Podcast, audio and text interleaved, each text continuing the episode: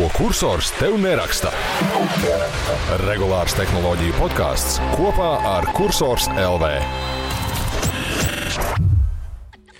Esiet sveicināti, ko kursors to neraksta regulārā tehnoloģiju podkāsta 55. epizodē, kas ir ierakstīta 28.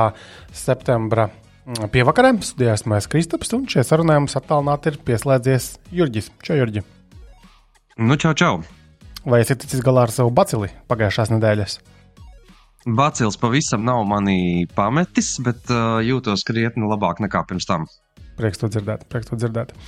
Um, šī nedēļa diezgan um, blīva bija ar dažāda veida lielākiem, mazākiem tehnoloģiju jaunumiem. Un es domāju, ka lēnām garā aiziesim tiem visiem cauri un uh, pamēģināsim pakomentēt, kas mūsuprāt ir svarīgs un, uh, un kāpēc tas varētu būt svarīgs. Bet pirms uh, ķeramies pie tehnoloģiju jaunumiem, uh, Nu, tā kā mēs pagājušajā epizodē iesākām par mūsu elektrotosāgu runāt, tā kā prasītos tāda maziņa status atskaitīta, kas tad ir pa šo nedēļu noticis un vai es esmu ticis līdz auto. Nu, īsa atbilde ir tāda, ka līdz auto, protams, es neesmu ticis. Es tagad saprotu, esmu sapratis par šo nedēļu tādas vairākas lietas. Mm, pirmā lieta ir tāda, ka, nu jā, nu, tik ātri te nekas nenotiks. Un otrā lieta ir tāda, ka jo vairāk es par šo projektu domāju, jo vairāk es saprotu, ka finansiāli un arī pēc savas būtības tas ir diezgan stulbs projekts, jo tā mašīna beigās būs diezgan nespējīga, bet jāmaksā būs diezgan daudz. Bet neskatoties uz to, es esmu iededzies par šo ideju, un tagad, principā, pēc es tomēr iešu uz priekšu un, un tikšu pie tā auto, un uh, tad jau būs, man jau tagad ir sakrājies daudz ko teikt arī podkāstā, un arī rakstos mēs parunāsim, bet Tā ir interesanta lieta. Tā tad, nu jā, mobila DE. Es izvēlējos tomēr skatīties tās mašīnas, jo tie partneri, kas var atgādāt, nu, ir piešāvuši roki konkrēti ar mobilo dēļu. Viņi saprot, kas tur kā darbojas.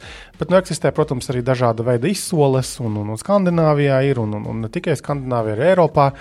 Bet tad vairāk pašam jānodarbojas ar to visu papīru lietu un ej nu sazināties, kas tur kurā valstī ir Un, um, nu es neesmu drošs, ka es gribu uh, riskēt ar um, kaut kādu papīru krāpšanos. Ja vēl varbūt būtu tā nauda uzreiz, mm, tā čemodāniņā, kur var bez maza aizlidot vai aizbraukt ar autobusu, uh, atdot to naudu, saformēt to mašīnu, atbraukt atpakaļ, tad jā, bet tā kā vēl tev ir banka iesaistīta, tad laikam vieglāk būs uh, caur kaut kādu uzņēmumu, kas to dara ikdienā vairāk vai mazāk. Nu, lūk, kā esam apskatījuši nu, tā attālināti tur uh, vairākus auto. Piemēram, Nīderlandē bija viens tāds riktīgi. It kā sakarīgs, un, un, un, un tur uh, pat dīleris var apiet riņķī un parādīt, kā tā mašīna izskatās. Nu, tīri, lai tā būtu skaidrība, kas tas arī ir.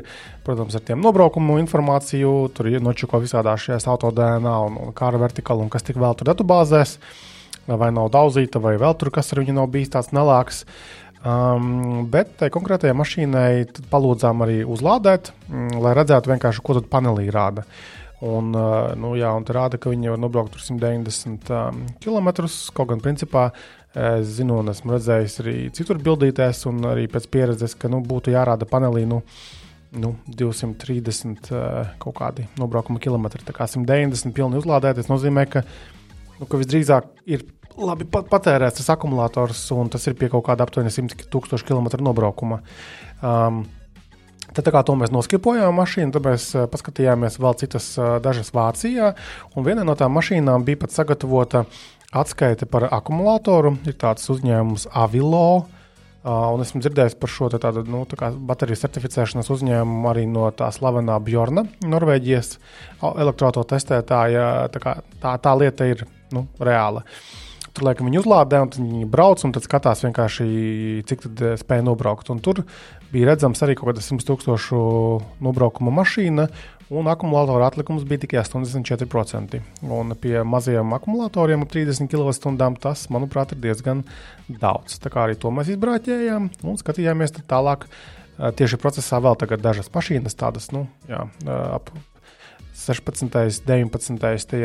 gadu posmā ap 100 tūkstošu nobraukuma, tā lai tas kaut cik iekļautos ap 15 tūkstošiem eiro.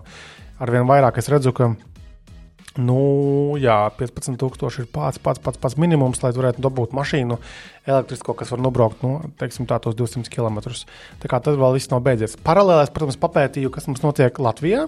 SSA uh, ir uh, ir tās mašīnas, bet te kā likums ir tipiski par dažiem tūkstošiem eiro dārgākas tās mašīnas nekā mobilē skatoties. Uh, pērkot no mobilēs, tu vari pretendēt arī uz šo te mm, elektroautorātu atbalstu. Uh, pērkot Latvijā, tu vairāk to nevari dabūt lietotām mašīnām. Tāpēc, uh, tāpēc tie daži tūkstoši ir kā, nu, jūtama uh, starpība. Bet no otras puses, uh, arī atzīšana maksā kaut kādu nu, tur tūkstotis, pusotras vai kaut kas tamlīdzīgs. Tas kind of nu, izlīdzvarojas.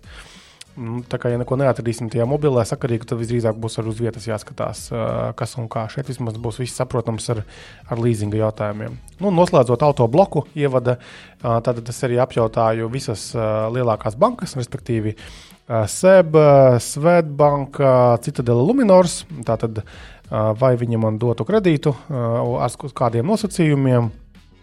Un tur tā galvenā atziņa ir šobrīd tāda, ka bankas baigi neraujas visiem mest kredītus.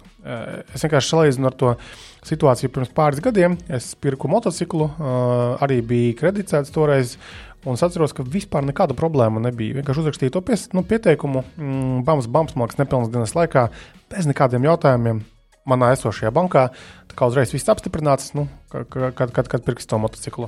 Šeit atkal um, bija, bija, bija čakars un, un tās bankas, kurās tu neesi klients, uh, paprasa vidīziņu, paprasa gada deklarāciju. Tā, ja, ja daļa ienākumu vēl ir um, autoratlīdzībās, tad prasa autoratlīdzību līgumus arī parādīt, nu, respektīvi ļoti strikti izskata, uh, kas ir tie ienākumi. Tātad ne tikai to, cik tu vispār ieņem, bet kas ir ienākumi un cik tie ir varbūt stabili vai uzticami. Uh, it kā pat netik lielām tām, tām summām, nu, salīdzinoši. Plus vēl arī SEB bankai bija tāds nosacījums, ka līzinga perioda beigās auto, nu, elektroautorāta vai auto nevar būt vecāks par desmit gadiem. Attiecīgi, šis nav jauns auto.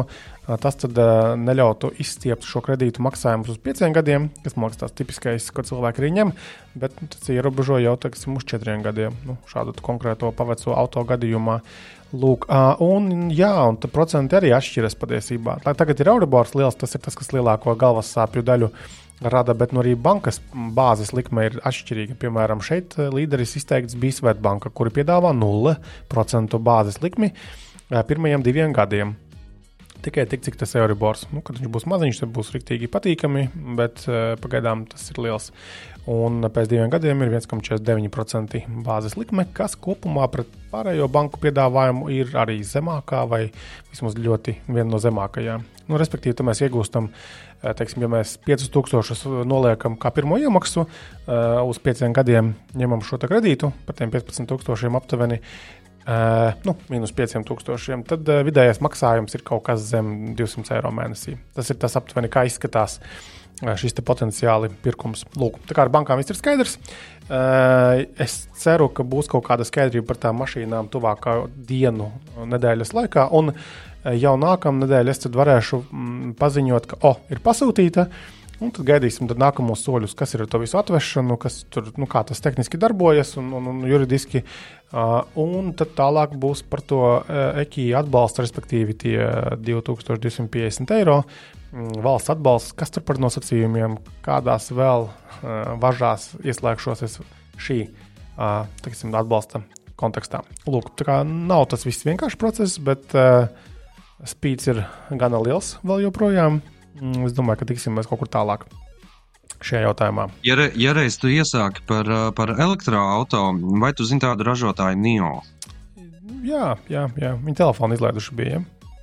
Jā, tieši, tieši šajā kontekstā gribēju pateikt, ka, ka NIO eh, nolēmuši sākt ražot arī telefonus, izlaiduši NIO phone aparātu. Nu, aparāts uh, gauži garlaicīgs, uh, speciāli ir pieņemama. Bet nu, tur tā īp, īpašās lietas būs saistītas ar UVB, jeb ultra widebandu, kas tur ļaus tev ar to telefonu tur naskāk uh, operēt uh, ar mašīnu, sarunāties un, un, un, un piedāvās kaut kādas speciālas īpašības. Nu, tur droši vien varēs, varēs attālināt to mašīnu, piedarbināt, uh, uzsildīt, lai, lai, lai ziemā iesēžoties uzreiz beņķītis, silts un tam līdzīgi. Mm -hmm. Um, jā, bet nu, labi, par telefoniem runājot. Um, iPhone. Tā tad, uh, nu, labi, mēs ierakstām šo podkāstu ceturtdienas vakarā. Un piekdiena, tātad 29. septembris, ir tas datums, kad Latvijā ir pieejami jaunie 15 iPhone. Mm, es jau šonadēļ paspēju uh, pačamdīt uh, jaunos. Mums bija kolēģi Tesdolabā lidojuši uz Vāciju un pilnu mugursomu sapirkušies ar iPhone. Nu, jums testēšanā tos visu ikdienā vajag. Uh, un, kā, uz tādam varbūt nezinātājam, paņemot rokā tos telefonus, un iPhone kā iPhone, tā kā tiešām tur nav nekādas baigās starpības. Uh, jūtami, jā, citādāk varbūt uz sajūtu mazliet ar tiem pro modeļiem, ar tiem titāna korpusiem, bet vairāk vizuāli man patika uh, tās, nu, pēdiņās patika tās krāsas jaunās, ārkārtīgi blāvas.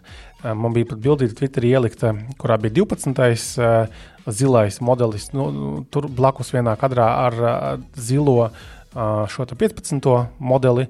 Un, ja 12. paudzes, nu, vai 13. ir nu, zils, spilgts, košs, tumšs zils, tad tas jaunais viņš palielinās balts izskatās. Uh, bet kaut kādos tunīšos pagriežot, viņu, viņš tāds atsit mazliet to zilo. Tā kā ļoti blāvas krāsas, vismaz tiem košajiem pēdiņās modeļiem.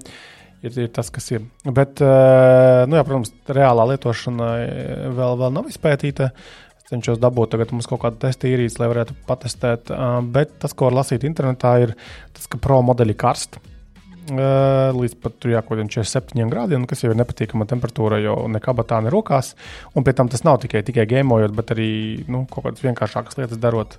Tāpēc redzēsim, vai nu viņi ir kaut ko nokļūdījušies Apple, mēģinot saspiest mazākā, vieglākā korpusā kaut kādas lietas vai kas. Un otra lieta, ko es esmu pamanījis, ka Cilvēki sūdzās par tiem jaunajiem vāciņiem. Tad nu, viena lieta ir tas, ka mēs teicām pagājušajā reizē, ka tur švīkājas un vēl kaut ko, bet es pamanu ar vien vairāk sociālos tīklos bildītas, ka neprecīzi izgriezts ir vāciņam tas caurums, tur, kur ir apakšā portam. Un atsevišķos gadījumos tu nevari iesprāst lādētāju, jo USB type īlekam ir ap lādētāju lielāks tas štekeris pats, jeb spraudnis. Un uh, te vienkārši maisās priekšā tas, tas vāciņš. Un uh, mm. Twitterī viens arī rakstīja, ka nu, jā, viņš pamanīja šo problēmu, aiznes atpakaļ uz Apple veikalu, samainīja viņam. Un jaunais vāciņš arī nedarbojas. Tā ziņā, ka viņš vienkārši ņem nazīti rokā un bez mazliet griez. Bet baigais, baigais dizaina fails. Nu, jā, tā taču jā. ir viena, viena no lietām, ko parasti pārbauda projektējot to pašu maciņu. Un, un, un tā, nezinu, baigi dīvaini. Mm. Uh, Jā, um, tad, nu, jebkurā gadījumā jāsagaida, ka tie telefoni būs pieejami. Nu, jāmēģina patestēt. Es jau redzēju, ka DXO markā 15. Pro Maxam jau tur bija kameras spējās, bija ne pirmajā vietā. Starp citu, pirmajā vietā bija Huawei uh, PS60. Jā, tas jaunais. Pagaidu, vai kurai? PS60 Pro, jā. Mm. DXO marka. Paskatīsimies. Um, jā, tā kā it kā pie mums. Uh, Jā, P60 Pro. Tātad pie mums nav pieejams un, un, un, un nebūs nepieejams ne aktuāls, bet, nu, redz, kameru spēja. Vis, vis, vispār pieejams pie, pie mums ir, un šur tur veikalos viņi pat, pat var redzēt, bet, nu, mēs paši zinām, cik, cik godprātīgi ir ieteikt Huawei produkciju, ņemot vērā, ka, ka viņiem nav Google atbalsts un tam līdzīgi. Mm, tieši tā. Lūk, um, jā, tas ir par, par iPhone. Reāli Pagaidām, man liekas, ka nebija. Ah, zini, kas bija? Vēl no tādām Apple lietām. Man patika tā, tāda interesanta bija ziņa, ka savulaik, un tātad AirPods Pro austiņām ir tas foršais režīms tam jaunajām, ka tātad austiņas visu laiku klausās, kas apkārt notiek, un tad automātiski pielāgo šo transparento režīmu, lai, teiksim, ielaistu ausīs kaut ko austiņu prātu svarīgu, ja ir saruna kaut kāda, piemēram, tad Nezinu, tu klausies mūziku, viss ir skaisti. Par tevi pagriežas kolēģis un kaut ko sāk runāt, un austiņas principā māk pieklusināt mūziku, un, nu, lai varētu sarunāties ar šo kolēģi. Un tad bija kaut kāds raksts, interesants šodien, ka Apple vienu brīdi eksperimentēja ar, ar GPS, jeb atrašanās vietas informāciju šīm austiņām. Respektīvi, ja pēc GPS izskatās, ka austiņas pārvietojas kopā ar īpašnieku pa ielu, nu, visdrīzāk tas ir trokšņaini, un tad kā varētu vairāk šo slāpēšanu varbūt organizēt. Ja? Un atkal, savukārt, ja tas ir kaut kādās pēc GPS, tad nezinu, tur telpās vēl kaut ko, nu, tad kā varbūt citādāk darboties. Bet tad Apple secināja inženieri, ka tas īsti nedarbojas, jo nu, ielas arī mēdz būt visādas, klusākas, mierīgākas, un tas īsti neiet. Uh, krastā, tāpēc uh, izvēlējās tomēr uh, radīt šīs austiņas tā, ka tās analizē to, kas apkārt reāli notiek. Nevis balstoties tikai uz to informāciju, kur tās atrodas austiņas. Tā kā sarežģītāka pieeja. Uh, bet, bet, bet... So, Sony, Sony jau, jau labu laiku šādu opciju piedāvā, un pavisam nesen jau es arī tieši testēju Sony austiņas. Uh, Uh, protams, ka nenosaukšu nu, no galvas nosaukumu. Dubult V, un tad tas burts kaut kurš XVF vai jā, nu es, tūkstošās. Es, es, es at, acīs tam, tam marketinga cilvēkam, kurš izdomāja, hei, zini, kā mēs izdarīsim, mēs uztaisīsim šitādu nosaukumu tām austiņām un tā tā, lai visiem paliek uh, prātā.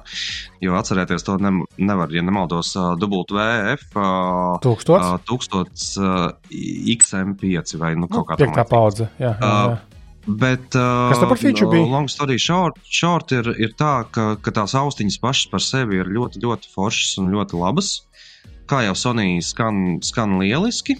Uh, Un viņām arī ir tieši, tieši šī pati, uh, pati opcija par to, to ka tu, tu patiešām vari, uh, vari nu, nu, ka viņas analizē reāli tavu ārpusi, lai, lai, lai saprastu, kurā brīdī ielaist kaut kādu troksni, vajadzīgu vai nevajadzīgu. Nu, tā, tas, tas tiešais piemērs bija tajā brīdī, kad tu skrieni, tev, tev tomēr ir nepieciešams dzirdēt satiksmi, lai tev kāds neuznesās virsū un, un, un, un lai tu, tu, tu, tu uh, uzturot sevi labā formā, neaizēj pie tēviem. Uh, Un, uh, un, un tieši tā, tāpēc es, es testēju tās austiņas, uh, nu, ne gluži skrienot, bet uh, pļaujot zāli.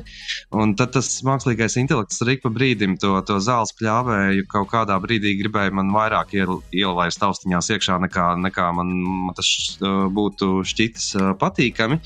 Jo, jo to zāles pļāvēju pašu kā tādu atpazīt, tās austiņas īsti nevarēja. Bet, uh, Bet funkcija strādā lieliski, un kā jau vienmēr Sonī, nu, tur, tur ar skaņas kvalitāti un trokšņa slāpēšanu viss, viss ir uh, kārtībā un nu, labi. Nu, un kas ir interesanti, ka šogad viņi ir gājuši kaut kādu pilnīgi citādāku virzienu, jo iepriekšējā sērija bija. Uh, Uh, nu, tādas milzīgas un baigi izteiktie basi. Šoreiz tie basi nav izteikti. Toties visa pārējā skaņas kvalitāte ir nu, kā, uh, vidējā skaņas kvalitāte ir nu, pacelt uz augšu. Tu vari super detalizētu skaņu dabūt no viņām ārā.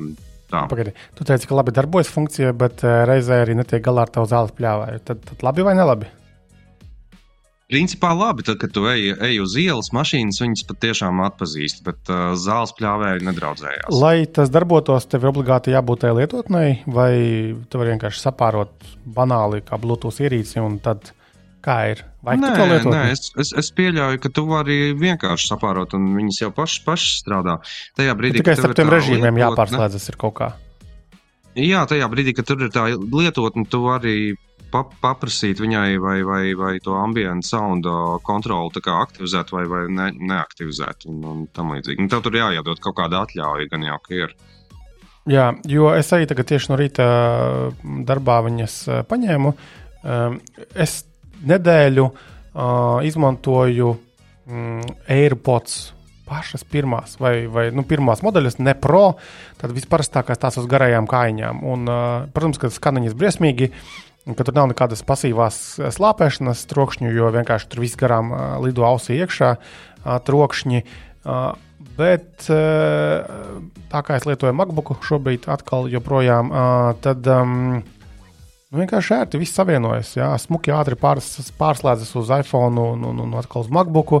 Eh, un tā kā pagaidām es pieciešu uh, to, ka viņas neskan labi. Nu, lūk, un tad man kaut kas tur bija izlādējies, man nebija vada līdzi eh, Lightning, un es paņēmu tās soņas, kuras nu, tikko aprakstīju, jo man somā viņas bija tikko no pakomāta izņemtas. Uh, un es uh, secināju divas lietas. Pirmā lieta ir tāda, ka skan fenomenāli labi. Nu, nu, tiešām mm -hmm. tur cepuri nost. Bet Tā kā tu esi pieredzējis pie šīm kājiņu austiņām, ir tik čakarīgi viņas ieskrūvēt ausī. Viņas ir diezgan tādas klamzīgi lielas. Uh, un, un, jā, jā, jā, jā, jā. un, un tieši grūti. šo es arī uh, apskatā rakstīju. Es, es ar citu pie, pieminēju, ka, ka par, par šo faktu mēs jau vienojāmies kopīgā dziesmā, kursora tusiņā, ka, ka tajā brīdī, kad tu esi pieredzējis pie tām kājiņu austiņām, tad uh, tev šīs ieskrūvējumās liekas tādas baigi neveiklas un, un, un, un tā. Uh, šīm konkrētajām uh, labi, ka ir. Uh, svars samazināts, jo, jo tās uh, iepriekšējās bija, bija nu, vienkārši nu, milzīgi bumbuļi sanāca sanāc mm. ausīs. Bet par to ieskrūvēšanu patiešām nu, ar kājiņu tev ir ritīgi ērti. Tu paņem aiz tās kājiņas, iebāzi un tev tā kājiņa atstājas starp lipiņu un skrīmsli. Un tur viss, viss ir ērti un droši. Šī ten ar to, to skrūvēšanu es tā, tā īsti līdz galam. Uh, Uh, nu, nebija pārliecināts, ka es esmu to katru reizi izdarījis pareizi. Un viņām vēl viens trūkums ir, nu, viņi it kā, lai dizainiski smukāk būtu, ir uztaisījuši glancētu virsmu. Un tā glancētā virsma vienkārši ir slidena, un tev ir grūtāk vienkārši izņemt arī no, no kastītes ārā. Nu, tā kā yep. e e elementāri, bet, uh, bet tā, tā citādāk skaņa, protams, nu, Jā. tas ir uberālis. Jā, un tīpaši salīdzinot par tām vecajām AirPodiem parastajiem, nu, kā diena pret nakti, tiešām kā diena pret nakti. Uh, Uh, vēl par austiņām es Twitterī pamanīju, uh, ka viens sūdzējās, uh, kriš, ka viņam AirPods Pro otrās paudzes, respektīvi iepriekšējās, jau trīs reizes servisā ir bijušas. Es atcerējos, ka uh, manējās bija vienreiz servisā, nu, kā kārbiņa palika tā pati, bet austiņas nomainīja, jo tur bija čerkstēšanas problēmas. Tad kolēģis viens uh, pēdējā pusgada laikā bija mainīt uh, tieši Pro um, austiņas, un otram arī kaut kas gluko. Respektīvi, uh, pat mazajā šajā izlasē es redzu, ka ir diezgan liels problēmas ar AirPods Pro. Tieši pro uh, uzticamību. Tā kā varbūt komentāros, uh, ja tu klausies, un tu arī saskāries ar šādu problēmu, uzraksti komentāros, jā, ka hei, man arī tāda pati problēma ir. Kaut kas nav riktīgi. It kā izslavēta Apple tur kvalitāte un vispārējais, bet, nu, ja riņķī pagriezies un trījiem, četriem cilvēkiem tev no tuvākā loka, teiksim, ir, ir šādas problēmas un kaut kas tur nav riktīgi ar tām austiņām. Lūk. Vēl par Apple tēmām no šīs nedēļas, tātad no vakardienas otru. No vakardienas, man liekas, ir Makos Sonoma, tāda jaunā operatīvās sistēmas versija, pieejama. Es uzstādīju tātad uz M1, tātad paša pirmā MacBook Pro kompija, un man kāds pārsteigums ir tāds, ka uh, Parasti, kad uzliek šos lielos atjauninājumus, operētais sistēmas, tad viss paliek lēnāks mazliet, un ar katru reizi, un līdz brīdim, kad viss vairs nav iespējams. Bet šeit uh, tas pat nebija nekāds clean uh, install, vienkārši standarta upgrades un uh, sajūta, ka kompis ir ātrāks.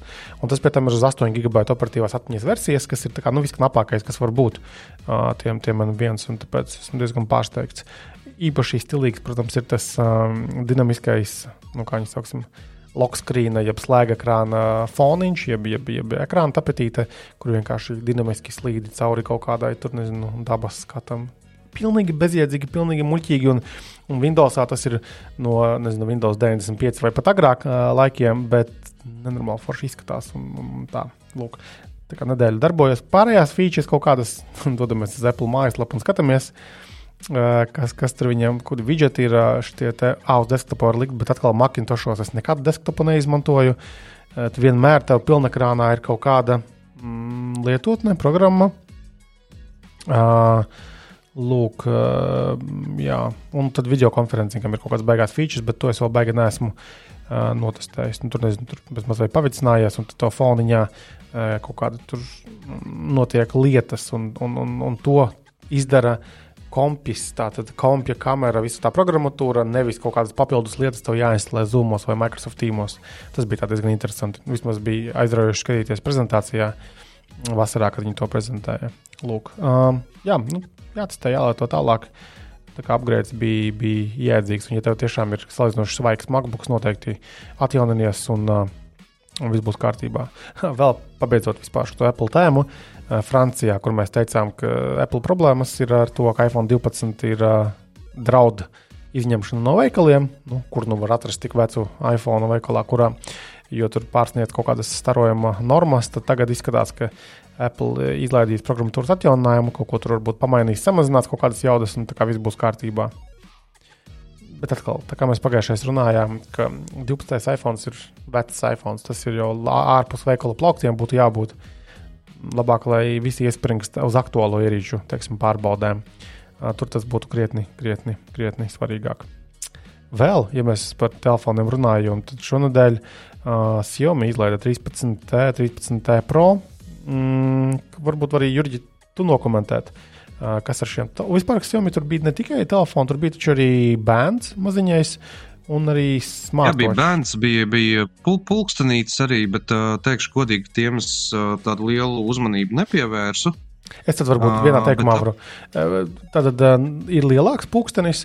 Tas, manuprāt, ir pir pirmais Xiaomi pulkstenis ar šo te Wear OS, jeb, jeb nu, Google Jā. risināto. Mm. Tas ir tas nozīmīgākais šajā visā stāstā lai vai cik nu knapa un, un nekāda būtu šī platforma, bet nu, tomēr. Uh, un otrs, tas, ka tas Mi Band 8. versija vai kura jau paudze, ka tas joprojām ir um, budžeta klases ierīcīte, ka tik nu, 40 eiro vai 40 dolāri, kas viņai tur bija, un respektīvi turpina refreshot, atjaunināt šo, manuprāt, foršo aprocīti, kura, man liekas, visiem mums ir bijusi agrāk, īsāku vai garāku uh, laika sprīdi. Nu, taču foršiņa bija. Liekas, ka tā bija arī.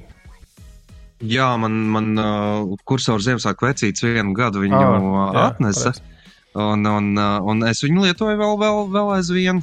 Oh, un darbojas viss. Un tas bija tie, tiesa, tiesa gan uh, ne visu laiku, bet, pie, piemēram, tad, kad es uh, eju uz skolu, lai, lai uh, nofiksētu tos brīnišķīgos mirkļus, ka tā stunda beidzot ir beigusies, tad, tad gan es uzlieku uz rokas, lai es, lai es redzu. Mm. Uh, bet labi par tiem telefoniem, tad jaunajiem, respektīvi, kas tur forši, cik maksās telefoniem. Tad uh, Xiaomi 13T sērija, viņi ir izlaiduši divus uh, modeļus, ir 13T un 13T Pro. Uh, tie, kas ir jau pazīstami, žēl, ka šo, šodien mums nav pievienojies Ansis, jo Ansis jau, jau labu laiku lieto Xiaomi 11T, ja nemaldos. Uh, Uh, tie, kas ir jau, jau pazīstami ar šo sēriju, tad zina, ka agrāk šī sērija tika izveidota kā uh, galvenais konkurents uh, OnePlus T sērijām. Bet tā kā OnePlus vairs, uh, vairs īsti uh, T, T modeļus nepiedāvā, tad uh, līdz ar to tad, tai sērijai vajadzēja nu, kaut, kādā, kaut kā pašai identificēt savu to, to identitāti. Un tagad, uh, tagad uh, tā identitāte būtu uzskatāma kā uh, lētāks, lētāka alternatīva tiem top-notch Xiaomi flagmaņiem. Jo tā top, top-notch sērija vēl aizvien būtu 13 un 13 Pro. Ko, diemžēl, mēs šogad neesam notestējuši, bet nu, tur, tur patiešām bija, bija ļoti labas kvalitātes ar laika kamerām un, un, un vien, viens solis sensoru un, un, un citām lietām. Nu, tad šī būtu tā lētākā alternatīva. Protams, atšķirīgi procesori ir pro versijai, un, un, un, un Mekagad ir uzlēkusi diezgan, diezgan uh, augstu. Uh, uh, un cena ir 899 eiro. Mm -hmm. Kas ir nu, Līdz šim šī sērija tik, tik dārgi nav maksājusi. Bet šeit ir trīs jaunas kvalitātes, kas patiešām, manuprāt, daļai šo cenu arī attaisno. Viena no tām ir IP68 korpusa, ūdens noturība, kas, kas līdz šim šajā sērijā nav bijusi. Otra kvalitāte, protams, ir kameras, jo beidzot, beidzot Leika kameras ir saņēmusi arī 13T sērija. Un, un vēl, vēl, vēl, vēl, vēl ir pāris kvalitātes, pieņemsim, tas pats. Tas pats ekrāns, kurš šoreiz spēja, spēja parādīt 144 Hz atsvaidzē un, un, un tam līdzīgi.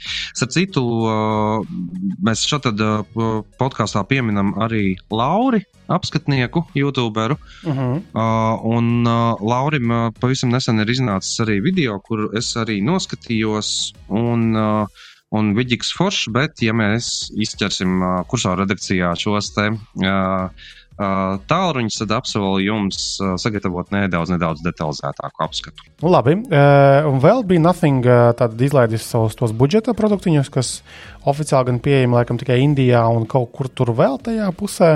Kas tie par produktiem, cik tie maksās un vai tur kaut kas interesants ir?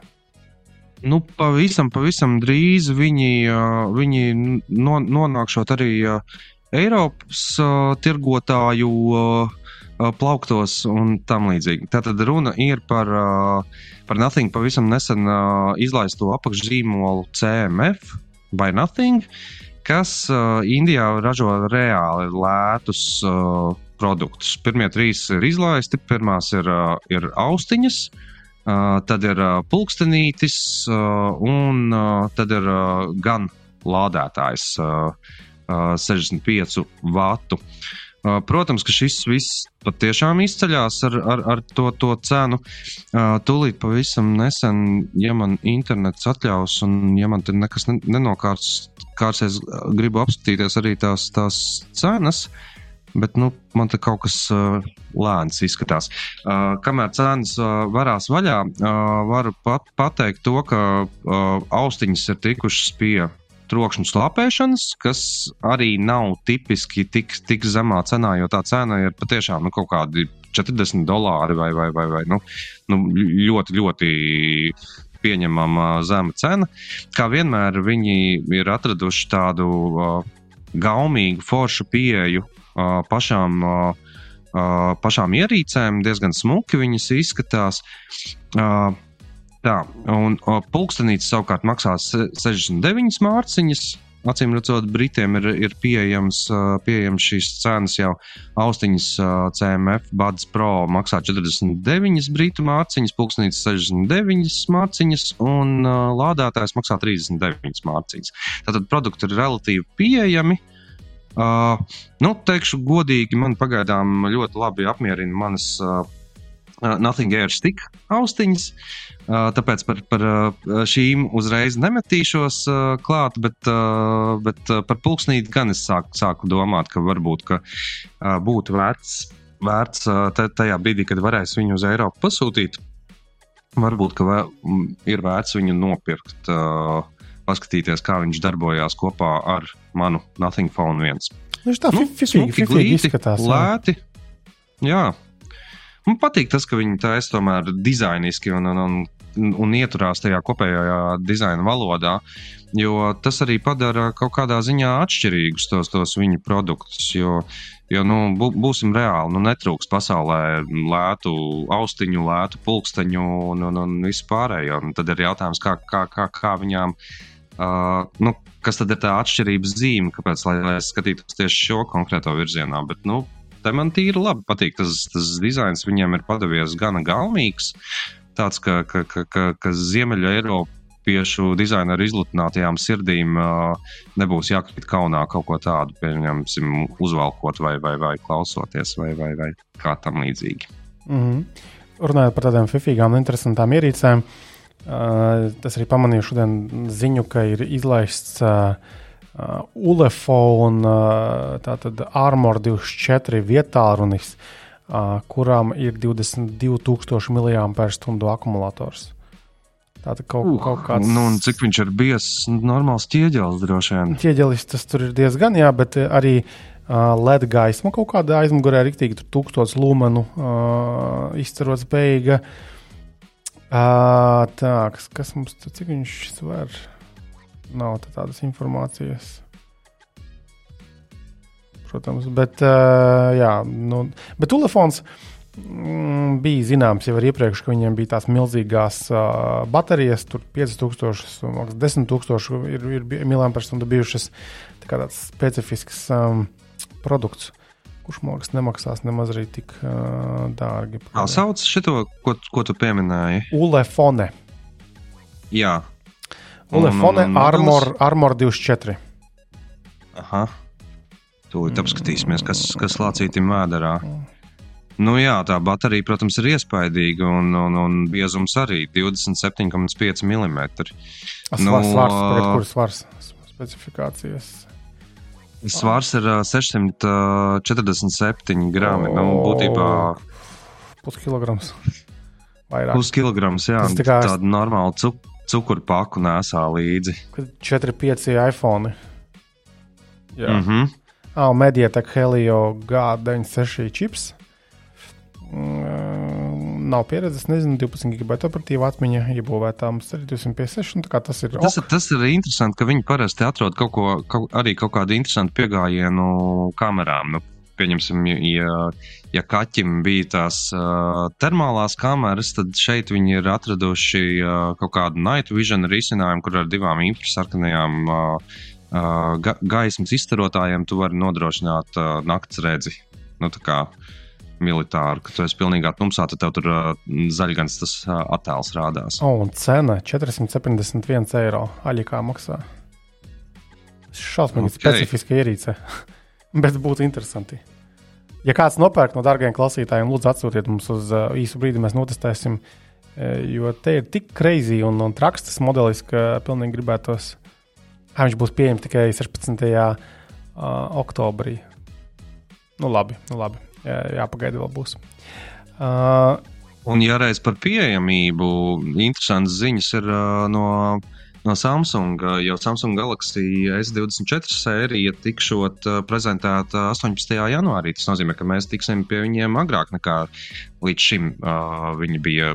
Līdz šim viņi parasti, man liekas, kaut kādā februārī, februārī. izziņoja. Man liekas, ka viņi parasti un, un... pievilka tātad, lai būtu ap Mobile World Congress, jo nereti arī šīs jā, prezentācijas jā, jā, jā, ir bijušas jā, jā. turpat arī Barcelonā, piemēram. Šogad, šogad tad, acīm redzot, viņi uh, skipos un, un, un, un, un uh, tiks prezentēti 18.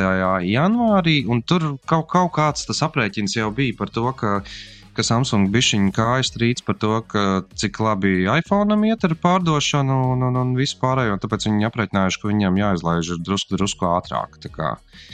Jaunā S24 sērija. Bet līdz tam vēl būs tās FE versijas. Tur Baumo taču būs FE versijas, būs planšetdators. Ja? Jā, planšetdators, austiņas būs un būs arī, arī telefoniņš uh, S23. Kad, kad viņam prezentācija paredzēta? Kaut kad drīz, man liekas, bija. Pavisam, pavisam drīz, drīz arī būs, jo, jo, jo, jo īsnībā tas gan tās septembra beigas, gan, gan oktobris ir diezgan noslogots. Jo, jo nu, mēs gaidām Samsung S23 FE, tad jaunie pikseli arī drīz tiks nu, prezentēti. Apskatīsimies, kas, kas tiem būs, lā, tiem, tiem lācīšiem, kas būs vēdā. Tur Google jau visur izziņojas par tiem pikseliem, kā izskatīsies. Nu, labi, kas iekšā vēl nē, bet vizuāli viss mums ir parādīts jau. Jā, jā, jā, protams. Nu, Google galīgi netur noslēpumu plīvurā tās, tās savas ierīces. Mm. Bet viņi, nu jā, un, un, un tad vēl pašās, pašās gada beigās. Uh, Uh, parasti notiek tā, ka tiek uh, prezentēts jaunākais, svaigākais uh, Snapdragons. Jo acīm redzot, viņi ir baigi pielāgojušies uh, Ķīnas kalendāram, lai jaunākās ierīces varētu uh, pēc Ķīnas kalendāra tajās viņu, viņu brīvdienās izziņot, lai, lai visi varētu viņus sapirkties. Un tāpēc arī Xiaomi 14. sērija un jaunākais OnePlus 12 arī tiks pēc, mūsu kalendāra gada beigās izziņoti. Bet, nu, un, un, un, bet tad, kad viņi atceļos pie, pie, pie mums, tad tas būs visticamāk jā, nākamā gada sākums. Uh, jā. Vēl no tādām aktuālajām lietām ir ha, galvenā lieta, ne, bet interesanta lieta, ka Google atzīmēja šodien 25 gadu jubileju. Tātad pirms 25 gadiem, 27. septembrī, uh, Google izlaida nu, savu meklētāju. Tas 98. gadā. Mm, jā, un tad uh, toreiz nu, tas Google vispār nosaukums ir, ir viens skaitlis, uh, kas sastāv no viennieka un simts nulēm. Tas ir Google. Uh, Un, jā, nu nav jau tā, ka Google bija pirmais meklētājs, bet, bet tas, kurš ir palicis ar mums uz mūžiem, tas ir laikus pirms Google. Es tagad sāku domāt, nu es neteikšu, ka, ka man tajā laikā pirms Google tas uh, internets bija baigi, baigi pieejams. Tā arī no laukiem, ja? Nu, bet, protams. lai, gan, lai gan man jāteic, ka ņemot vērā, ka man uh, Mana māma tomēr bija žurnāliste, man bija salīdzinoši ātri pieejams internets. Tāpēc es jau uh, bez mazliet bēr, bērnībā varēju izbaudīt, ko nozīmē TV čats un, un, un, un, un tādas aizvēsturiskas lietas, kuras uh, šī brīža paudze paudz droši vien vairs nemaz uh, nezina. Jā, bija tur visādi. FaceLV, OneLV, Fundamental čati, un tad bija īrts laiki kaut kādi. Jā. Bet, nu, jā, nu, 25 gadi ir daudz, un, un tiešām, nu, tagad, ej, sagūglē, ej, sagūglē.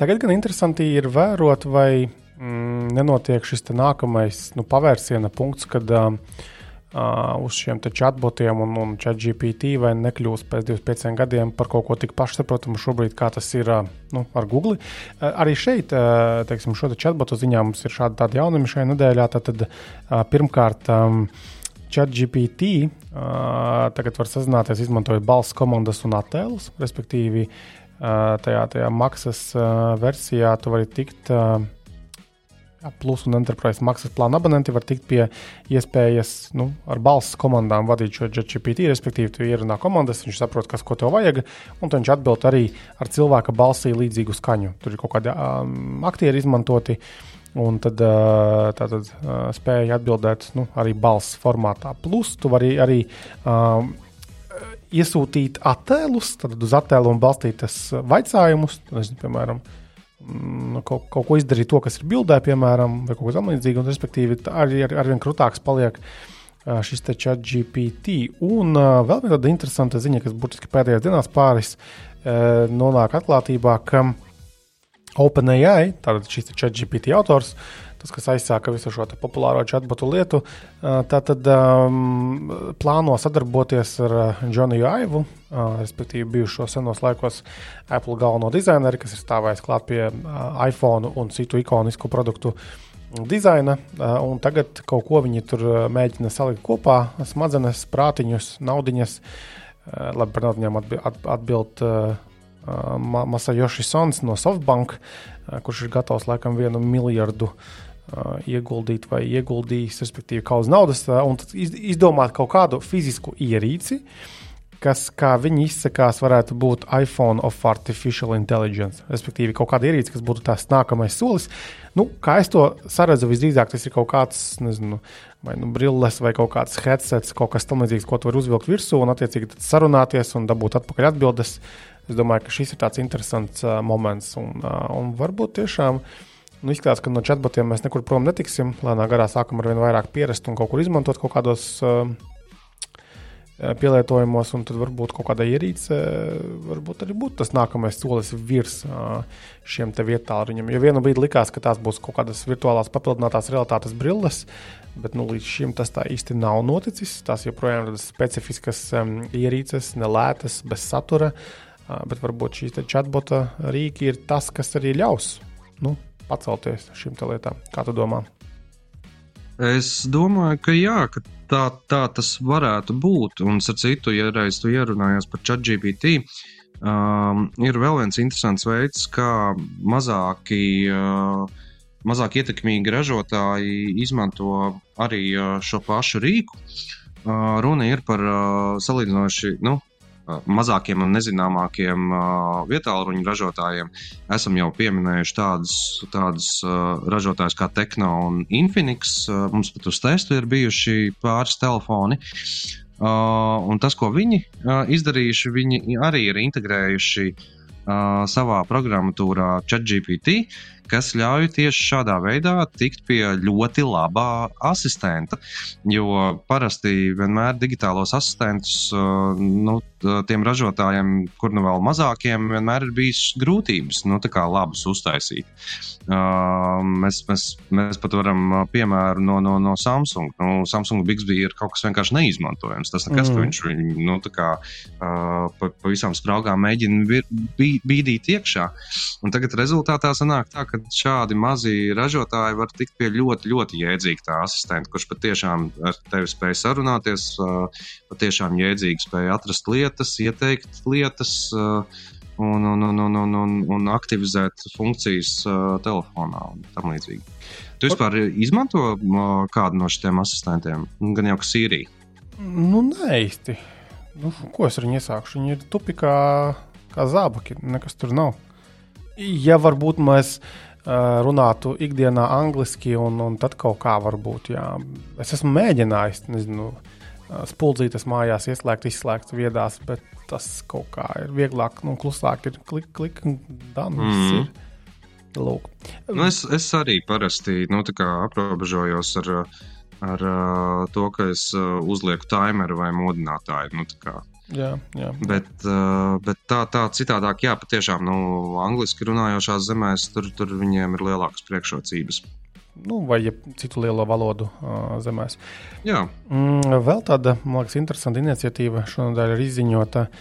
Tātad, uh, nu, tēzaurs LV mēs labi zinām, tur mēs meklējam skaidrojumus kaut kādiem vārdiem, jēdzieniem.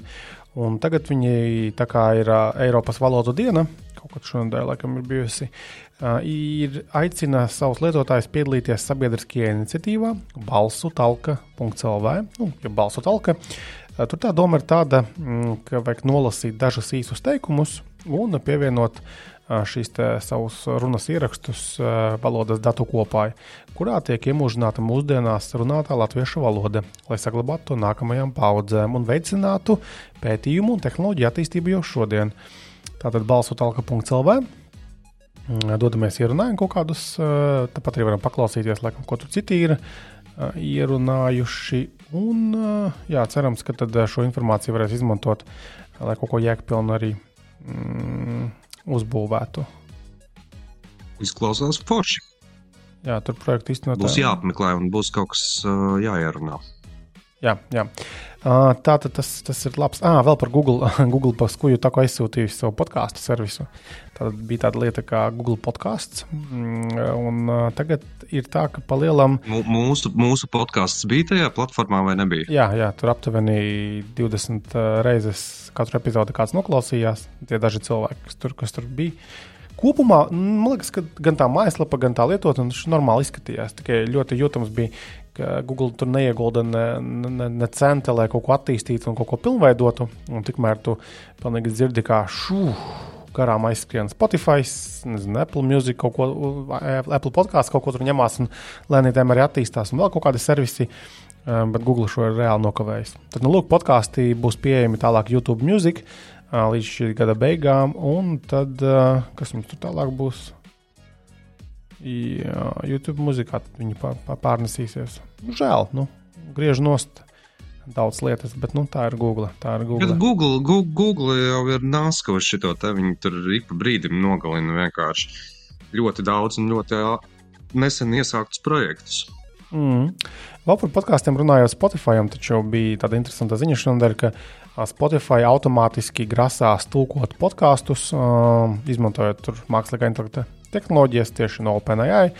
Šajā konkrētajā gadījumā viņi izmanto rīku, un tad attiecīgi, lai varētu automatizēti tulkot uh, šos tu- tu podkāstus svešās valodās, piemēram, nu, ko kursors to neraksta, varētu no japāniski iz- iztulkots vai spāņu valodā, un tad klausītos tālāk. Un es arī Twitterī prasīju, mm, kā- Gribētu redzēt, kā, kā, kā mākslīgais intelekts pā, pārtulkotu visādas anča asprātības, Anča, jā, sarainos biksītēm opusumus, jā. ķeku un tam līdzīgi. Jā. Nu, redz, te ir man liekas, divi virzieni, kā uz to raudzīties. Pirmais virziens, ko es arī Twitterī vispār prasīju, tātad, um, vai tu kā podkāstu lietotājs, patērētājs vispār gribētu klausīties automātiski ģenerētu un automātiski robota ierunātu saturu? Tu. Tas ir nav tas, tas nav tas plēlams stāsts, ko mēs uh, pagājušajā vai aizpagājušajā runājām par tām televīzijā ierunātajiem robotiskajiem. Mm Mhm. Jā, tas, tas, tas ir, ir par to, jo, jo, jo taisnība, jo, teiksim, nu, labi, s- vien, viens ir tas, ka, ka, ka saturs šajā gadījumā tomēr būtu cilvēku radīts. Nu, nu, tā kā nu, podkāstos tomēr lielākoties runā. Uh, runā cilvēki, bet jā, tajā brīdī, ja tu pārtulko, tad tu klausītos jā, kaut kādā robotiņā, kurš tev tur Nu, mēģinātu, nav mēģinātu tas. to. Tur tāda pirmkārt, ne, ne viņš intonācijas saprastu, teiksim, daļā mm. -hmm. gadījumu. Visdrīzāk arī tajā tulkojumā būs problēmas kaut kādas, ir īpaši ar sarēnajiem opusumiem un biksītēm pliek. Respektīvi, tas kvalitāte beigās varētu būt nu, tāda nepārāk. Nu, tādā ziņā, ka klausītājs nu, taču dzird, ka tas nav īsts cilvēks. Man liekas, ka tā podkāstu burvība tomēr ir, ka no klausītājiem runā tomēr nu, dzīvi cilvēki. Jā? nu, daļā žanru podkāstu. Jo, jo podkāstu mm. Varētu būt arī nezinu, ziņu tipa vai kaut kāda stāstu tipa. Uh, varbūt tas ir citādāk. Nu, mēs kaut kā tomēr ejam nu, kad, kā iepazīst uh, mūsu klausītāji arī nu, kaut tuvāk kaut kādā mērā. Un atkal tas otrs jautājums ir no podkāstu radītāju puses raugoties. Nu, Ja man tā prasītu, vai es gribētu tagad skriet un lai podkāstu manu tulko uh, citās valodās, Nu, es teiktu, ka nē, jo kopumā mēs tātad, uh, lai arī runājam par it kā nu, visiem vienlīdz interesējošām tēmām, nu, tehnoloģiju aktualitātes. Ja? Bet tomēr mēs to kaut kā vienmēr liekas, pielāgojam tai auditorijai, tādi latviešu runājošie, latviešu klausošie cilvēki. Un Es pieņemu, ka būs kaut kāda daudz momentu, bez mazliet katrā epizodē, kad, piemēram, Japānā automātiski pārtulkotā gadījumā viņam būs tāds, ok, jā, labi, paldies. Tādā ziņā, nu, nekuram katram podkāstam, manuprāt, šis ir derīgi, un nekuram katram klausītājam šāda pieeja varētu būt interesanta, manuprāt. Nu, mēs noteikti nevaram nekur izbēgt no tāda nu, satura lokalizācijas. Nu, prot, prot, protams, ka mēs runājam par to, kas ir pieejams Latvijā, ko, ko, ko mēs paši esam apčamdījuši un tam līdzīgi. Bet uh, cita lieta ir tā, ka man liekas, ka tā drīzāk varētu būt uh, iespēja no, no klausītāja pozīcijas. Manuprāt, teiksim, no podkāstu satura veidošanas mums, protams, nebūtu baigi jāiesprings, lai, lai mūs varētu arī Spānijā vai Japānā noklausīties. Bet, ja man pie, pieņemsim, ienāktu prātā, uh, nezinu, kaut kādai akadēmiskai izpētai vai vienalga, kam nu, man būtu vajadzīgs tas Japāņu podkāsts noklausīties. Tā, protams, būtu forša lieta, ja es varētu piespiest podziņu un, un, un, un saprast, ko viņi tur īsti runā. Uh, Uh, bet vēl ir, zini, kā ir jautājums, kas gan to iespējams varbūt kaut kādā brīdī varētu pat veiksmīgāk iz, izdarīt, ir um, tas pats transkripts. Nu, tā, nu, kur, kur, kur, kur tu vienkārši nu, tā kā podkāstu izlasi lasītā versijā vai, vai, vai, vai kaut kā tam līdzīga. Bet arī, arī nē, tāpēc tur arī zūd, zūd ļoti, ļoti, ļoti daudz, kas tam, tam nu, tai dzīvajai sarunai, kas, kas būtībā podkāstā ir. Jā. Jā. Nu, zin kā. No Spotify skatu punktu raugoties, protams, es saprotu, kāpēc viņi to grib darīt, jo tas teorētiski izskatās, ka varētu mm. būstot ceļus, teiksim, tā, vairāk uh, podkāstu, vairāk satura, vairāk cilvēku var klausīties, un viss izskatās smuki un nezinu, piesaistam investīcijas, un, un viss ir priecīgi un, un aplausus, aplausus un, un, un, un tā. Bet nu, jā, tā praktiskā puse. Un tikai tirgus arī parādīs, nu, respektīvi, podkāstu veidotāji, podkāstu klausītāji, vai šī feature aizies, vai šī feature neaizies. Bet Spotify šodien izlaida vēl vienu feature, kas man liekas, pavisam viennozīmīgi aizies. Tātad Spotify ir jauna nu, kopīgās klausīšanās, ja balīšu uh, funkcija, kas saucās Jam. Tātad tur līdz 32. O, super, beidzot. Jā, jo nu, taču tu pats zini, kā, kā parasti notiek balītēs. Mm -hmm. Neviens negrib dot to savu telefonu, bet kādu vajag vienu telefonu noziedot, uz kura tad griezīsies tās, tās mūzika, kas ir pieslēgta vai nezinu, pie televizora vai, vai, vai pie skaņas sistēmas. Un neviens negrib dot, tāpēc ka cilvēki liek visādas dīvainas lietas, un tad sačakarē tavu Uh, preferences, algoritmu. algoritmu, un tad tev nākas klausīties kādu laiku, pēc tam kaut kādas dīvainības. Nu, lūk, tad ir tāda jaunā jam funkcija, kas ļauj gan maksas, gan, gan bezmaksas lietotājiem servisa izveidot kā, nu, džemus, jeb, jeb tusiņus līdz 32 lietotājiem, pieslēgties tādai vienai playlistē pa lielam. Pie tam var izveidot playlisti, jeb funkciju var tikai tas, kas ir prēmijums, bet pieslēgties var arī šie te nemaksājošie klienti. Un tad viņi tur var kontrolēt, kādas nākamās dziesmas var iedot tiesības tur, nezinu, Jurim vai Pētrītam vai Anniņai paslēgāt tās dziesmas. Un, nu, tas ir reāli, reāli praktiski un noderīga lieta. Forša, forša lieta, tā ir praktiska, forša, laba lieta. Mm -hmm. Jo iepriekš ir bijuši dažādi trešo pušu servisi, tur JQBX vai Jugstar, uh, kas, kas, kas to dara, bet tagad beidzot tas būs iebūvēts un jau ir pieejams. Principā, cik es skatos, arī pie mums jābūt pieejamai šai funkcijai, atjauninām lietotni Spotify un varam patestēt kādā tuvākajā ballītē. Lūk, tad varēsim arī pakomentēt, vai tas darbojas vai, vai nedarbojas. Mm, vēl pagājušajā nedēļā mēs runājām par Microsoft jaunumiem. Uh, Un toreiz bija tā spekulācija, nu, jā, nebija spekulācija, ka uh, Microsoft kompāniju pameta uh, ilgadējais, tas viņu nu, uh, krūtais zēns Panos Penejs, uh, kurš vadīja savu laiku um, Surface divīziju, tāda šīs Windows ierīces, uh, krūtās šikās, uh, un mēs tur toreiz baumojam, jā, ka viņš drīzāk pievienosies Amazonam. Un tad, nu, lūk, šodien ir apstiprināta, ne, bet šodien ir apstiprināta šī informācija, jā, ka tiešām viņš vadīs uh, Amazon uh, ierīču uh, biznesu. Tad uh, viņa pārziņā būs nu, diezgan daudzas jau šīs ierīces, un redzēsim, vai kaut kas viņam sanāks. Jo nu, nesen no darba atkāpās Amazonā tas Deivs Limps, kurš bija atbildīgs par visām šīm Amazon ierīcēm. Nu, Aleksa palielam spēcinātajām dažādām ierīcēm. Un tagad skatīsimies, vai panosam sanāks. Nu, viņa jau pavisam bez komitmenta, jeb, jeb, jeb apsolījumiem ieguldīt pamatīgus līdzekļus šo produktu kategorijā, diez vai pan, uh, panos uh, stātos amatā šajā uzņēmumā, jo drīzāk tas bija iemesls, kāpēc Microsoftā viņš vairāk nebija. Nu, kad fokus samazinās, varbūt atņem uh, budžetu, tu nevari, tu nevari izdarīt foršas lietas, ja tev nav naudas. Nu, tas ir tik vienkārši. Un varbūt Amazonā būs. Um, Vadībai cits skatījums par to visu lietu. Un vēl bija no Microsoft uh, interesantā ziņa tāda, ka uh, ka Microsoft taisās, kā, nu, nevis taisās, bet varbūt arī taisās, tad meklē darbinieku, kura pārziņā būtu atomreaktoru mm, projektu kā, veidošana, un visdrīzāk saviem datu centriem Microsoft plāno izmantot kaut kādus šos maziņos, maziņos atomreaktorus tieši enerģijas ieguvēji, nu, jo datu centri mums kļūst ar vien nozīmīgāki. It īpaši tagad, kad ir jāgriež visas šīs mākslīgā intelekta uh, lietas, tur teiksim, ir diezgan ievērojams procesinga apjoms nepieciešams, un tas kaut kā ir jābaro, tas kaut kā ir jādzesē. Tāpēc redzēsim, kas tur sanāks. Es nebiju dzirdējis, ka Google vai, vai Facebook meta kaut ko tamlīdzīgu domātu, teiksim, datu centru ziņā. Nu, ot, paskatīsimies, varbūt Microsoft un sanāks. Jo runa ir par tādiem reaktoriem, kas ir Tātad, kas var darboties tātad, līdz 12 gadiem bez uzpildes no to, to, to vielu, kas viņam tur ir. Un tas ir 154 megawatt-stundas, vai kas ir domāts. Jā, nu, labi, es neesmu ne tuvu zinātājs šajā jomā, bet nu, ir, eksistē kaut kādi šie maziņie uh, mikro, nano uh, atomreaktoriņi. Uh, piemēram, uh, kompānija New Scale. Nu, Scale.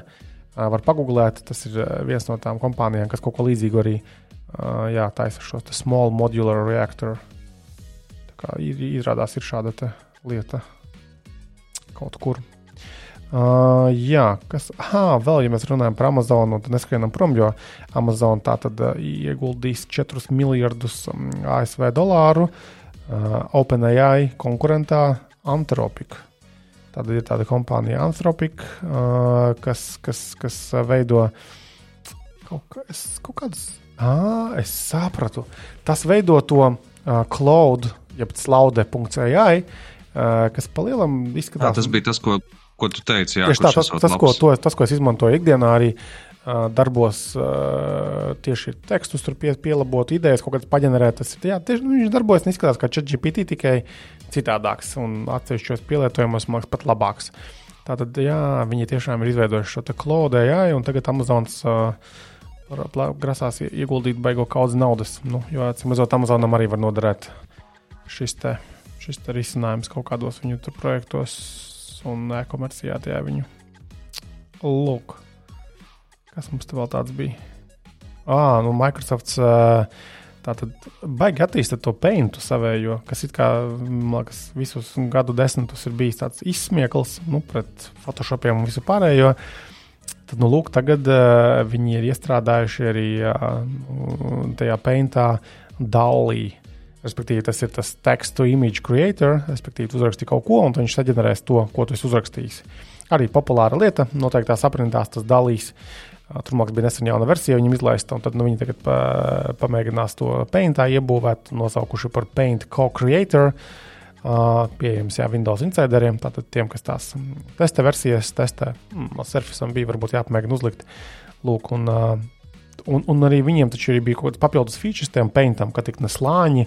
Tas, kas viss jā, ir. Viņi uh, layers uh, ievies, jā. Nu, tas, kas ir, man liekas, ikvienam sevi cienošam attēlu redaktoram, nu, kaut cik nopietnam, ar, ar kādām ambīcijām.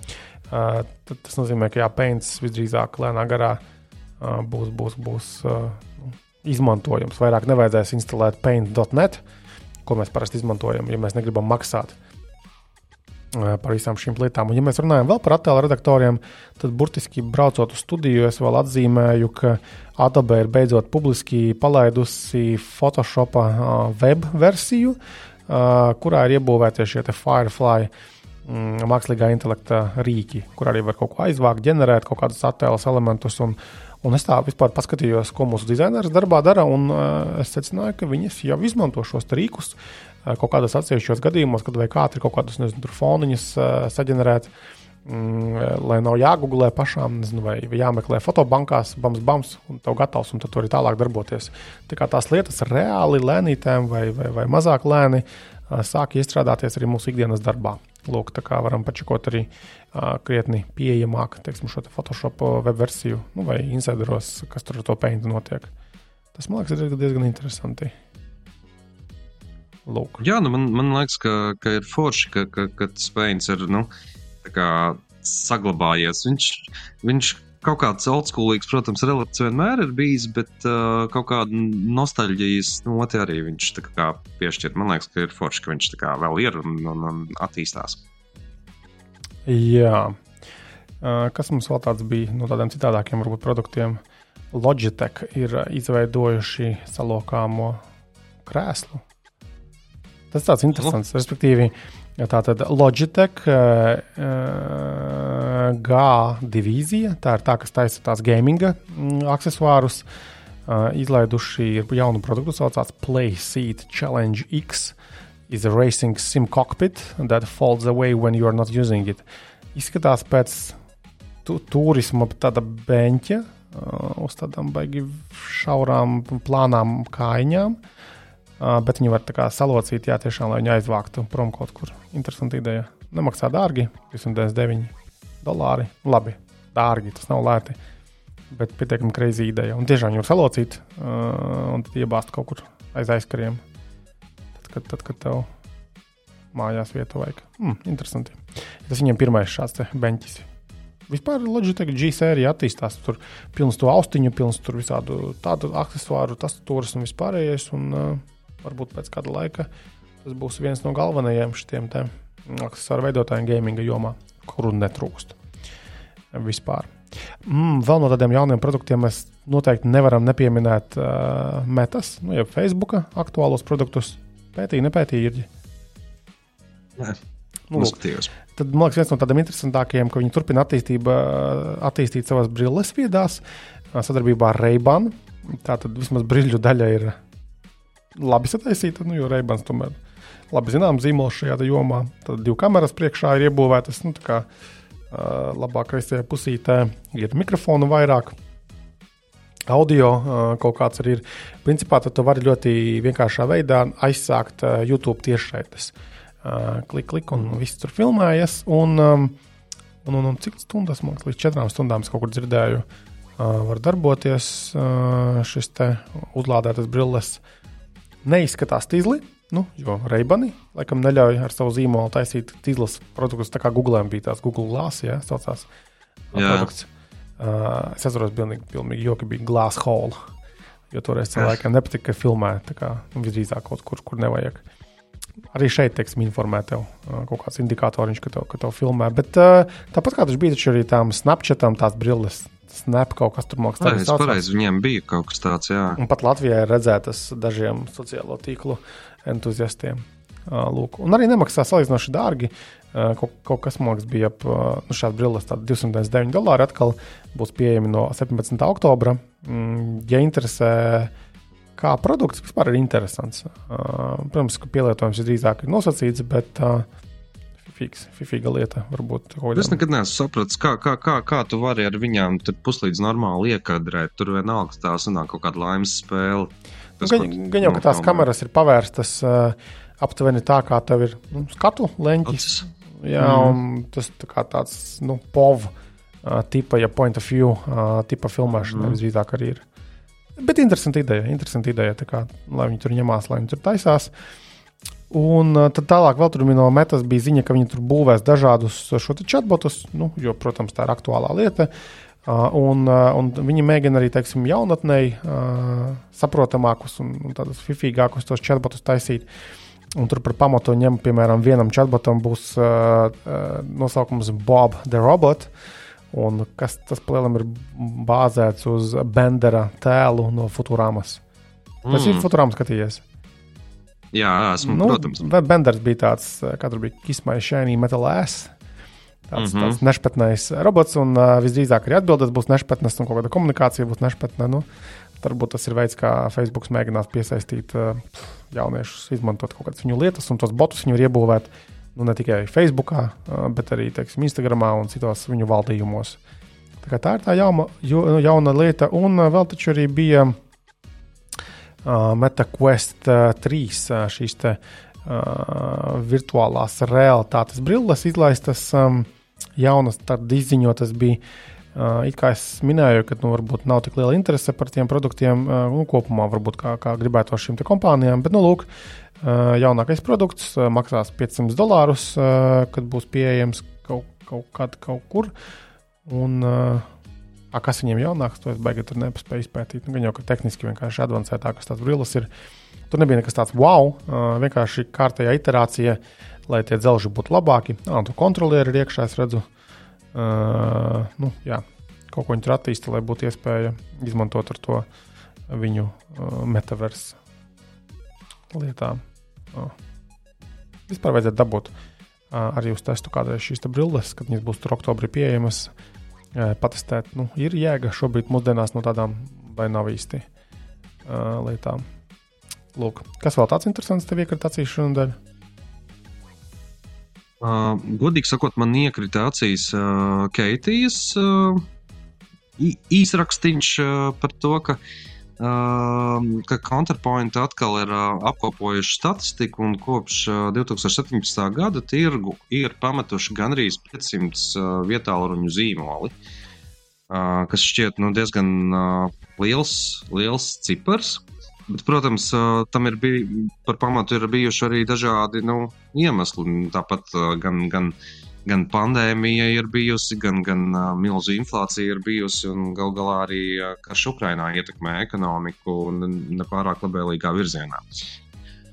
Līdz ar to Patiešām, un, un, un šie ražotāji, kas, kas pametuši, pametuši tirgu, protams, viņi vairāk, viņi noiet tirgus ir Indija, Tuvija Austruma, Āfrika, Ķīna, Japāna un Dienvidkoreja un tam līdzīgi. Bet, nu, protams, ik pa brīdim jau notiek arī tādas fundamentālākas katastrofas. Nu, Uh, šķiet, ka liel, lielākā no tādām būtu jāmin uh, LG iziešana no, no, no vietālu tirgus, kas, kas, kas patiešām bija. Nu, kā, nu, tur, tur patiešām ir jānotiek kaut kam baigi ekstrēmam, lai, lai, lai tik liels, uh, liels ražotājs, uh, nu, kā, es atvainojos. Uh, sajauktos savā meistarībā tik ļoti, ka, ka viņiem nāktos pamest uh, teikt, šo, šo, šo divīziju.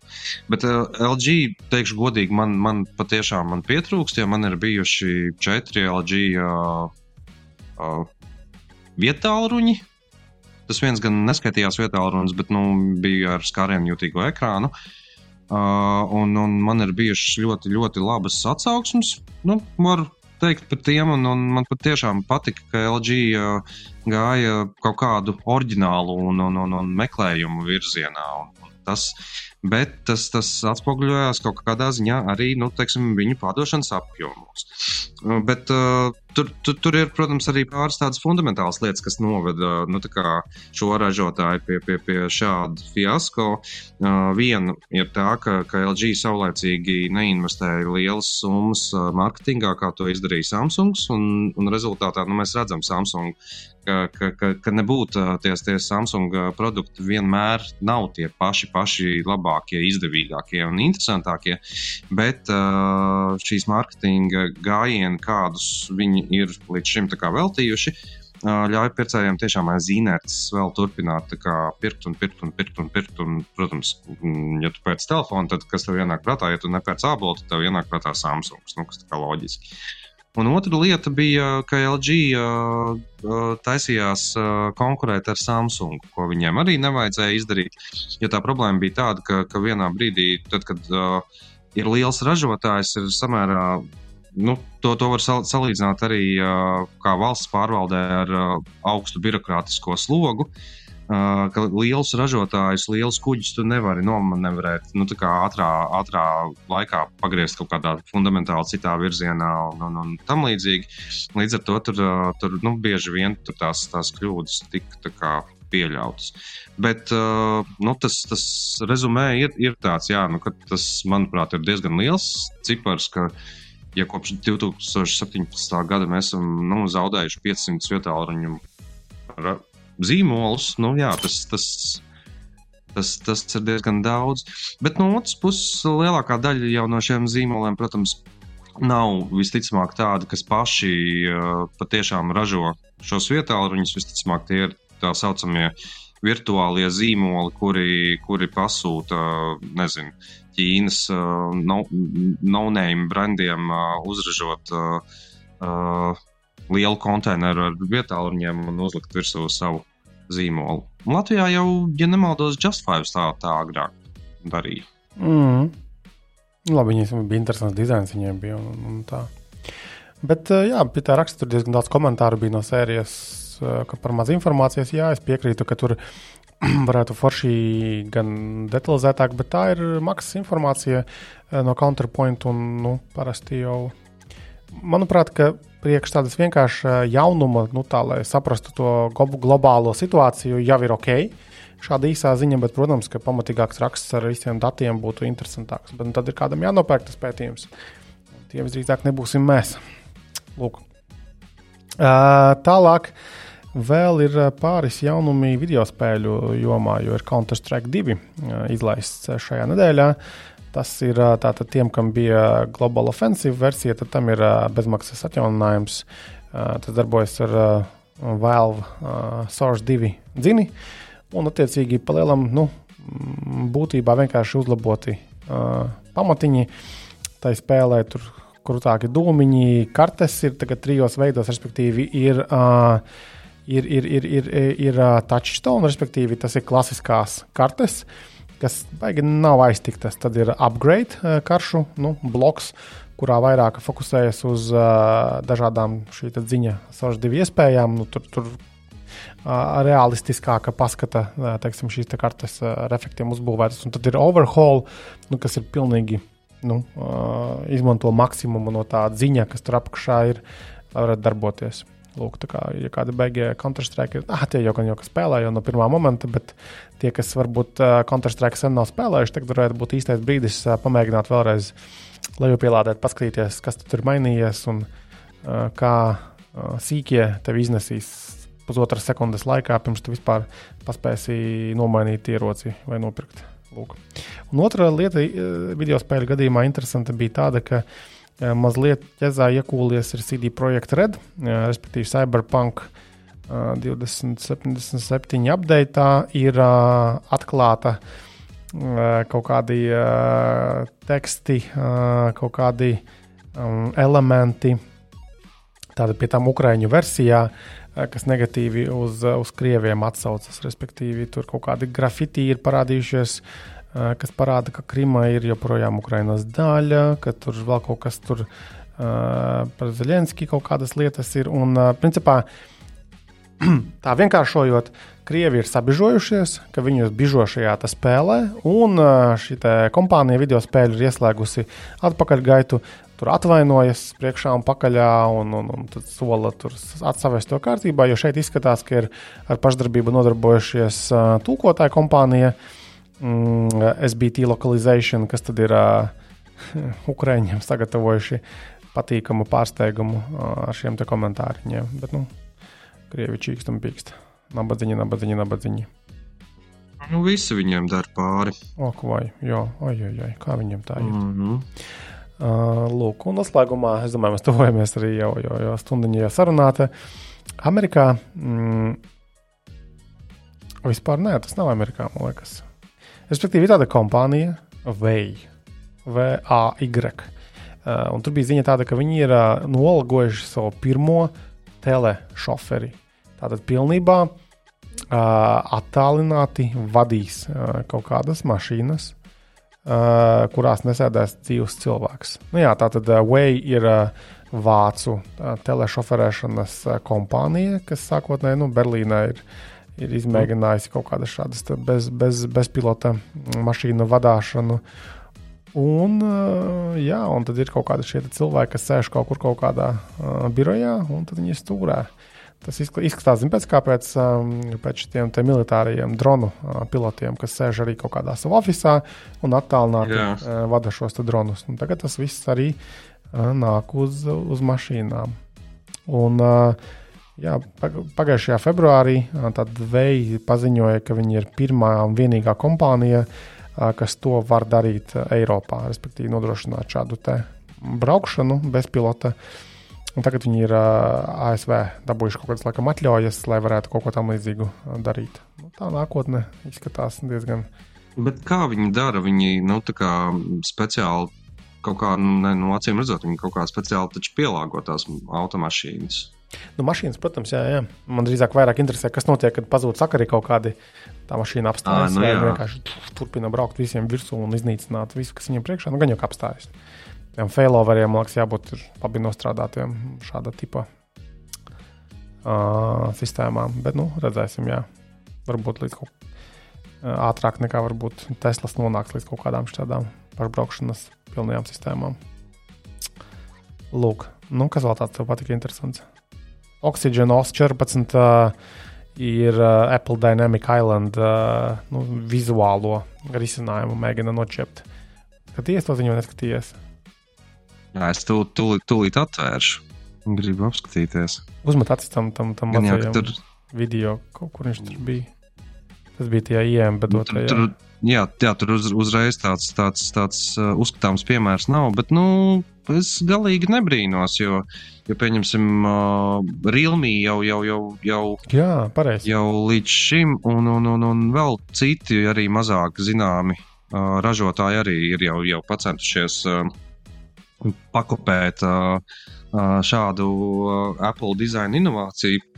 Uh, Es gan, es gan brīnījos, tad, kad pavasarī testēju, mums pat bija arī uz konkursu Xiaomi 13 Lite, kuram arī bija nu, šāda kā es to nosaucu, nedinamiskā sāla, jo, jo tas izgrau, izgriezums bija tieši tāds pats, bet, bet es brīnījos par to, ka, ka ņemot vērā, ka Xiaomi visai bieži no ābola visu kaut ko kopē, tad kā, kā tā nav aizdomājušies līdz tam nokopēt. Bet nebija, bet Realme, jā, to, to jau ir jau kādu laiku darījis, un, ņemot vērā ņemot vērā, ka Oxygen OS uh, nav nekas cits kā, kā vienkārši rebrandots Color OS vai uh, Realme UI. Uh, Uh, tad, protams, ka šāda feature, man liekas, 14. versijā ir tikai un vienīgi loģiski. Mm. Nu, Zinām, kā lai viņi visi eksperimentē, un tad galu galā, nu, ja tas nav aizpatentēts līdz ārprātam no Apple puses, un jau arī nav, jo, uh, ja mēs redzam šādus te testus, Un tad jau lietotāji gala galā novērtēs, nu, vai viņiem tas der. Zini, kā, nu, tur, tur jau būtībā runa īstenībā ir tikai un vienīgi par attiecīgi pielāgotu animāciju. Tāpēc, ka uh, nu kā, nu, līdz šim arī Androidos uh, tāpat ir. Tev, tev ir bijusi feature, nu, nezinu, ja tu lieto telefonu, tad, uh, pieņemsim, ja tev ir ienākošais zvans, nu, kad, kad tev viņš parādās, nezinu, augšā. Nu, Atsevišķā, jā, burbulītī. Uh, au, augšā klucītī. Nu, tad, nu, tad tagad uh, vienkārši, vienkārši tā pati funkcija, tikai tā animācija būs, būs pielāgota tam izgrauzumam, kā, kā kāds, nu, kuram modelim būs. Jā, jā. Ok, um, labi. Izlaižam varbūt uh, Ilona Maska šodien pieminēšanu. Kas tur bija? Tur bija Eiropas uh, Savienībā. Tā tad ir atzinuši, ka uh, tātad visaugstākais uh, dezinformācijas uh, nu, daudzums šajā sociālajā tīklā, Twitterī, respektīvi, ir Un tagad viņi ir kaut kādus aizvākuši vēl arī komandu, kas uh, cīnās par dezinformāciju tieši politiskajā ziņā. Visur tuvojas svarīgas vēlēšanas, un interesanti, kāpēc tā. Kāpēc tā? Tas tāds arī noslēgumā aizdomāties jautājums. Varbūt viņš ir Krievijas pieks. Nu, tur, tur, tur, man liekas, viņš tur koķetē ar, ar Trumpu un, un, un, un, un vēl visu kaut ko. Jā, jā kaut kā baigus skumjās nosmēs. Uh, noslēdzam, ir kaut kas varbūt pozitīvs. Nu, ir pozitīvs. Nu, no. Mēs jau daudz ko gan pozitīvu jau arī uh, pieminējām. Mēs pieminējām to, ka jaunieši Xiaomi iznākuši, mēs pieminējām, ka CMF beidzot ir savus produktiņus kā, prezentējuši par ļoti zemām naudiņām. Mēs visu kaut ko pieminējām, un to, ka Paints vēl ir dzīves, ta, ta, tas man sirsniņu silda. Tā kā uz šo, šīs siltās nots mēs varam arī atvadīties. Jā, un 95% no visiem NFT tagad varētu būt bezvērtīgi. Boom! Jā. Viss. Bučas visiem, bučas tev, Jurģi. Tiekamies pēc nedēļas. Atā. Paldies! Atā.